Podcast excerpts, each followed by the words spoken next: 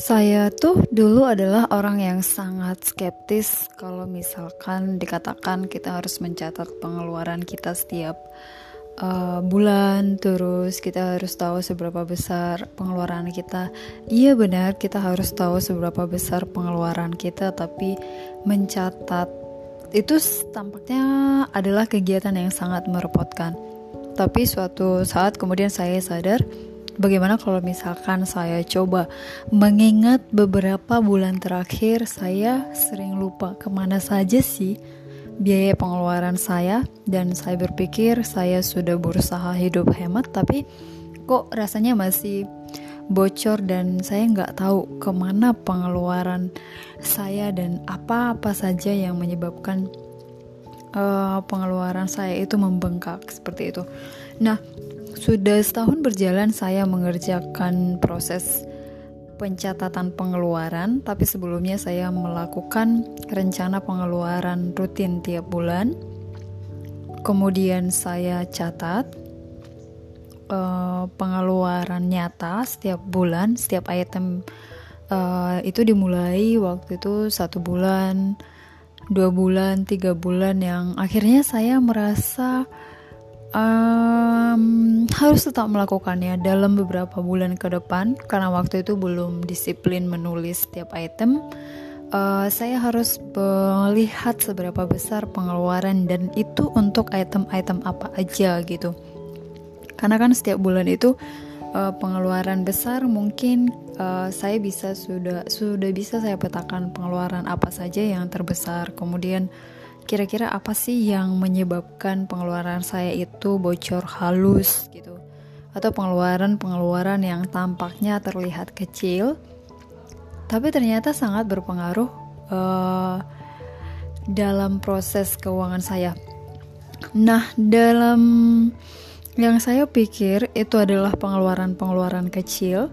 Kalau diakumulasikan, ternyata jumlahnya cukup besar. Jadi waktu itu saya berkomitmen uh, di uh, dalam beberapa bulan ke depan akan menuliskan secara rutin apa saja yang saya keluarkan. Nah, uh, melihat setahun kebelakangan dari sekitar uh, setahun kebelakangan saya mencatat sejak sebulan sampai setahun berjalan saya mencatat pengeluaran saya Hmm, saya melihat banyak perubahan besar di dalam proses manajemen keuangan saya. Yang dulunya saya melihat itu adalah hal yang terlalu receh atau uh, buat apa tidak ada guna untuk mencatat pengeluaran. Tapi ternyata sekarang saya berpikir mencatat pengeluaran itu adalah hal yang sangat penting minimal tiga bulan. Sehingga kita bisa melihat atau men-tracking kira-kira pengeluaran nyata kita rata-rata uh, sebulan itu berapa sih dalam setahun. Kemudian kita bisa melihat ke mana saja duit kita pergi dan kita bisa melihat eh, hal-hal uh, yang membuat pengeluaran kita bocor atau membengkak yang sering kali hal-hal item yang kecil itu bisa kita anggap sepele tapi ternyata itu yang membuat membengkak misalkan kita membeli kopi uh, 35.000 atau 50.000 atau jajan 35.000 atau 50.000 yang kalau dijumlahkan selama satu bulan itu bisa ternyata jadi banyak kayak gitu. Uh, kemudian setelah saya tahu ke mana saja pengeluaran saya, kemudian saya mengerti dalam sebulan itu saya membutuhkan biaya apa saja, dan saya juga mengerti ke mana saja kebutuhan-kebutuhan darurat atau apa saja kebutuhan darurat yang harus saya keluarkan yang berbeda setiap bulannya. Dan dari situ kemudian saya uh, kalau dibandingkan tahun-tahun sebelum mencatat dan setelah mencatat, saya malah lebih banyak saving.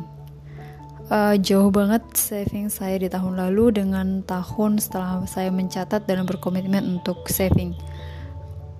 Uh, itulah manfaat dari bagaimana kita harus planning pengeluaran, kemudian juga merincinya kemudian juga berusaha stick uh, kepada rencana yang kita buat dan berdasarkan data yang kita peroleh dari catatan pengeluaran, catatan pengeluaran nyata dan perencanaan bulanan kita, kita bisa uh, semacam kita bisa berjalan di garis menuju tujuan yang kita capai.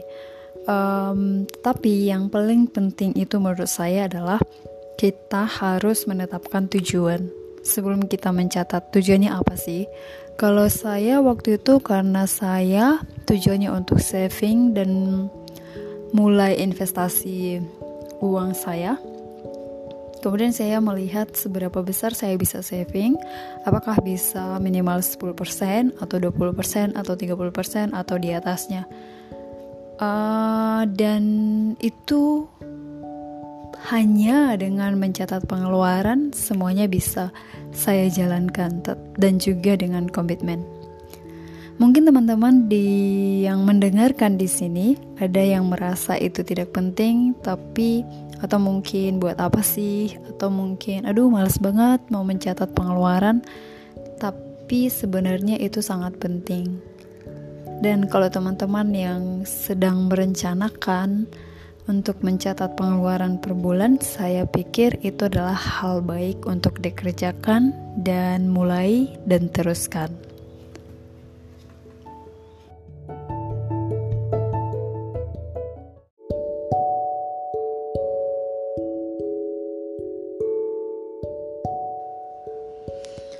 Cerita meja dapur ini akan bercerita tentang kegiatan dan pengalaman sehari-hari. Selamat mendengarkan.